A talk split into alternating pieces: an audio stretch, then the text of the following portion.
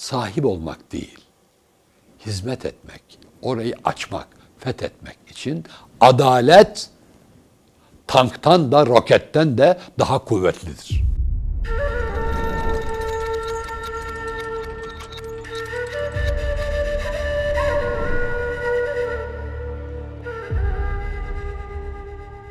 Vakti şerif hayrola, hayırlar fethola. Şerrin adını anmayarak def etmiş olalım inşallah. Efendim, Fatih Sultan Mehmet Han pek çoğumuzun aklında yanlış olduğu gibi Akşemseddin Hazretlerinin talebesi de değildir, dervişi de değildir. Akşemseddin Hazreti Fatih'ten biraz yaşlı ama baba yaşında değil, abi kadar.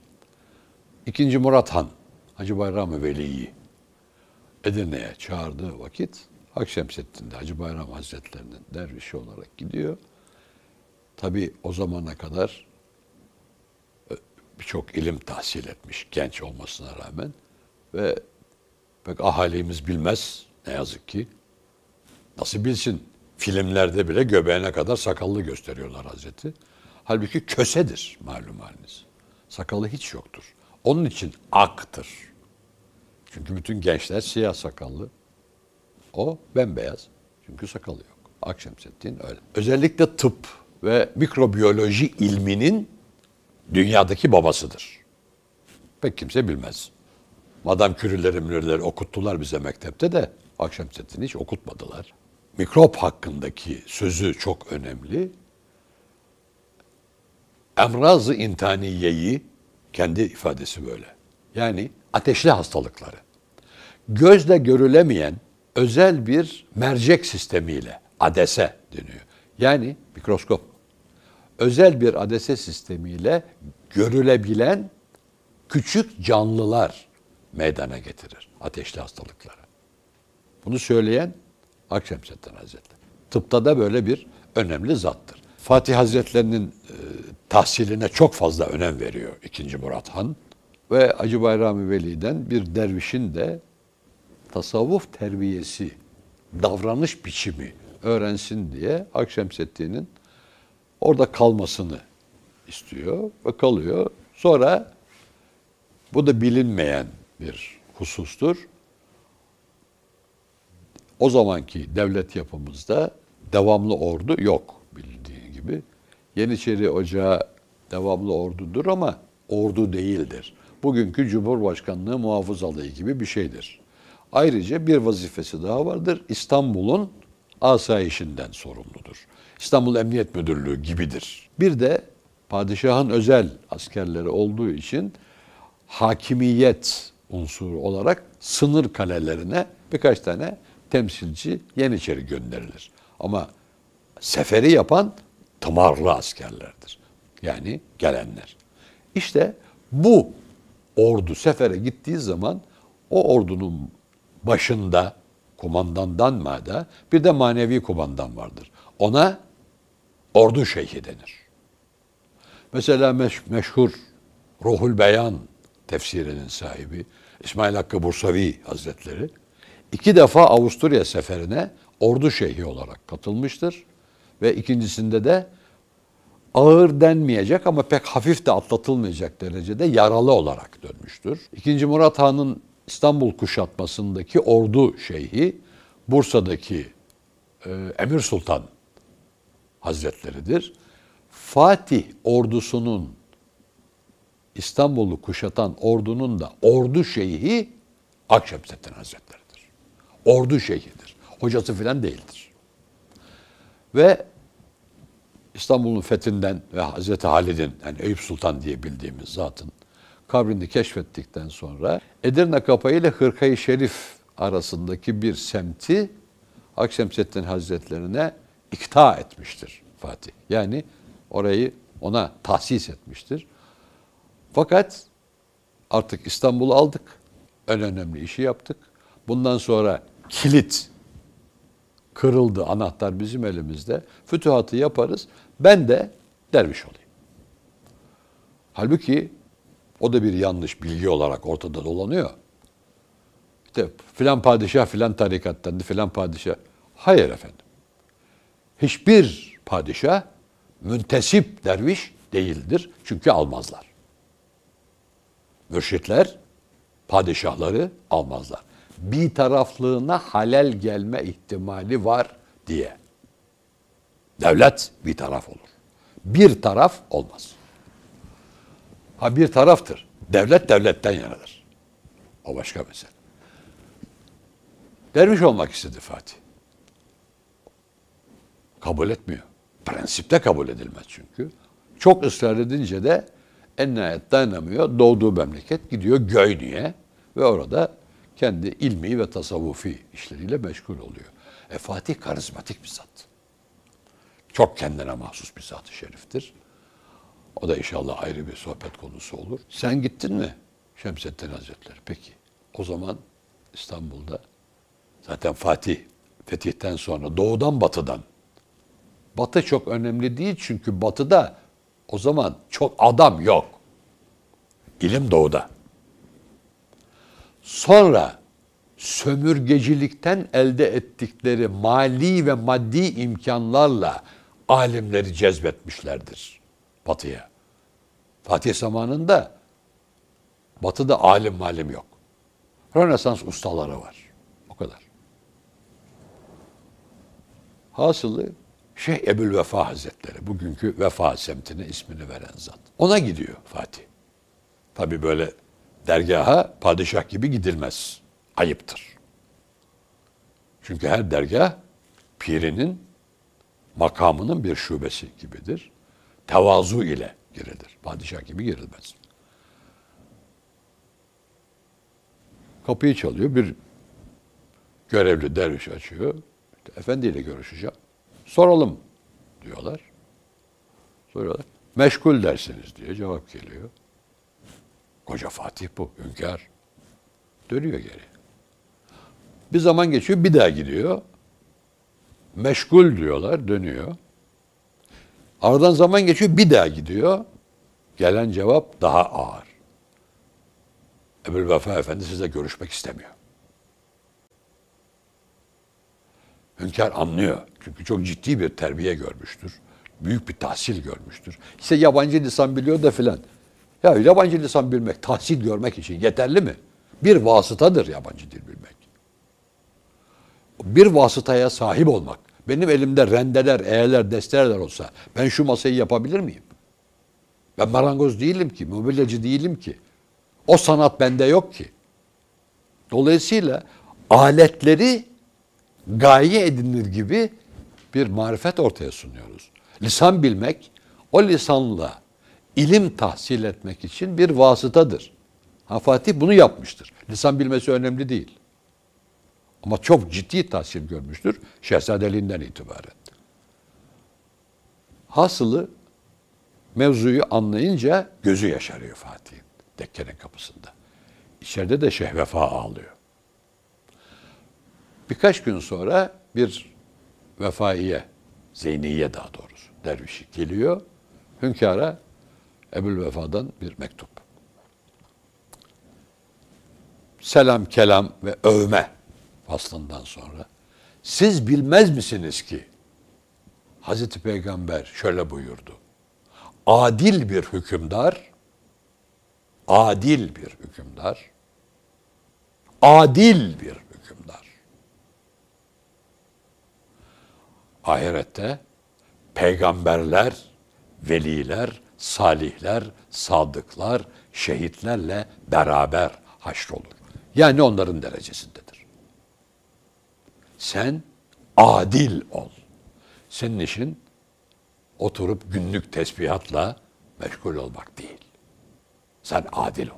Allah-u Zülcelal dünya saltanatını ve hakimiyetini adalete vermiştir. El adlu esasül mülk bu kaidenin Hazreti Ömer tarafından formüle edilmiş söylenişidir. Bir başka sözü daha vardır Hazreti Ömer Efendimizin. Adaletler kuvvetli, kuvvetler adil olmalıdır. Cenab-ı Peygamber aleyhissalatu vesselam dünyayı teşrif ettiği zamanla ilgili bir şey konuşulduğunda birkaç defa söylemiştir bunu. Ben adil bir hükümdar zamanında dünyaya geldiğime sevinirim. Kıvanırım. Bahsettiği kim?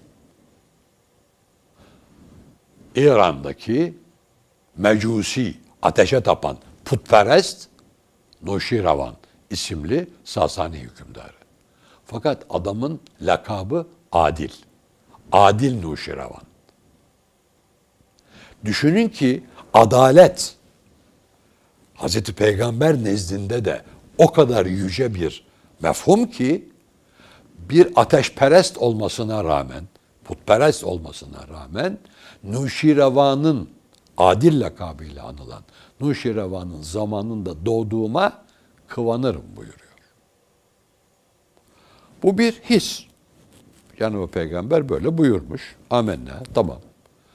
Ama bir de fiil tarafı var ki bizim için en önemli şey fiildir. Hislerimizden, yani duygularımızdan, düşüncelerimizden, bilgimizden, şundan bundan imtihan olmayacağız. Yaptıklarımızdan, fiillerimizden imtihan olacağız. Ne biliyorsun diye sormayacaklar. Ne yapıyorsun diye soracaklar. İşte Efendimizin bir yaptığı. Malum Risaletini tebliğe başladıktan sonra Mekkeli müşrikler çok fazla eziyet etmeye başladılar Müslümanlara. Kendi öz kızı dahil siz adil bir hükümdar olan Aşama'nın Aşama yani Necaşi. Necaşi e, Hazretin ismi değildir. Habeş imparatorlarına Necaşi denir. Yani Roma imparatorlarına Sezar dendiği gibi, İran hükümdarlarına Şehinşah dendiği gibi, Osmanlı hükümdarlarına padişah dendiği gibi. İsmi Aşhama'dır. Aşhama adil bir hükümdardır, Hristiyan. Onun memleketine gidin. İlk Habeşistan hicreti bu biliyorsunuz. Medine hicretinden önce Habeşistan hicreti var. Ve bizzat Efendimiz Hazretleri'nin kerime-i muhteremesi var içinde adil olduğu için. Ha daha sonra e, Necaşi iman etmiştir. Vefatı haberi geldiğinde Efendimiz Hazretleri onun gaip namazı yani e, cenaze, naaş bulunmadan kılınan cenaze namazına gaip namazı denir.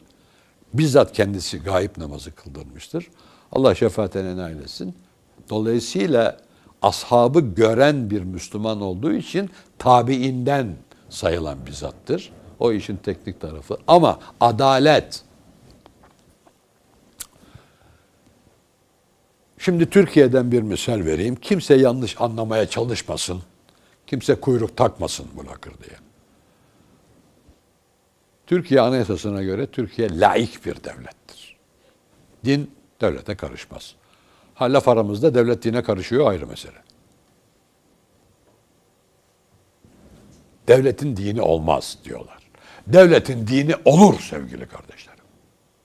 Devletin dini adalettir. Ateist olduğunu iddia eden, dine inanmadığını iddia eden her insanın dine inanmamak inancı vardır. Tanrı'ya inanmamak inancı vardır. Herkeste bir inanç var. Devletin yegane inancı adalet olmalıdır.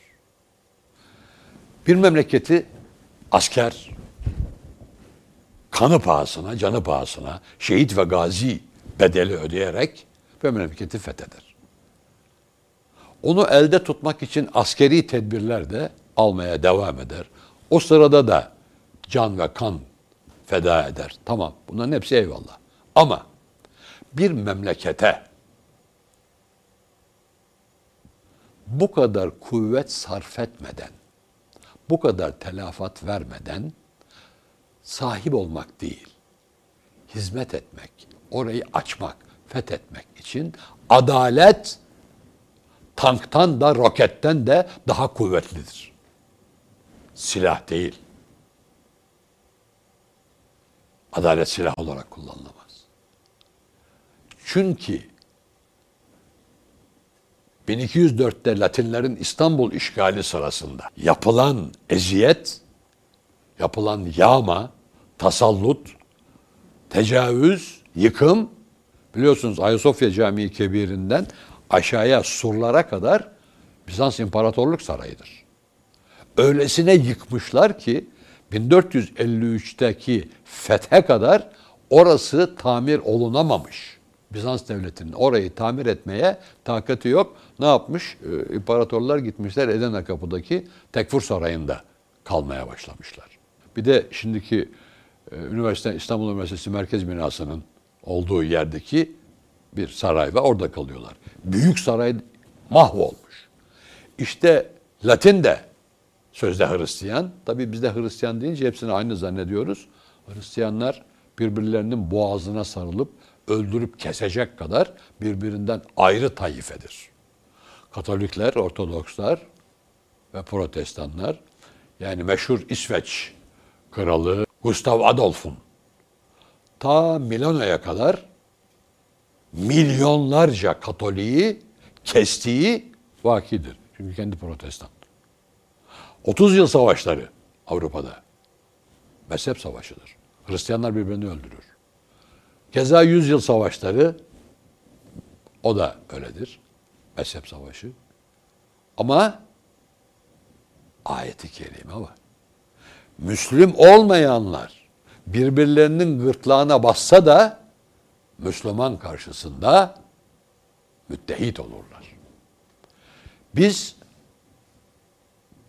Hz. Meryem'i çocuklarımıza isim verecek kadar severiz, sayarız, hazretsiz anmayız. Yahudiler Hz. Meryem'e iffetsiz diye iftira ederler. Ama Müslümana karşı adeta Tanrı yerine koydukları Meryem aleyhisselama iffetsiz diyen Yahudi ile Hristiyan bir olur. Çünkü batıl aslında tektir. Hakkın tek olduğu gibi. Kendi arasında bölünür. Hak kendi arasında bölünmez. Bu kadar çok Müslüman devleti var. Ben haktan bahsediyorum.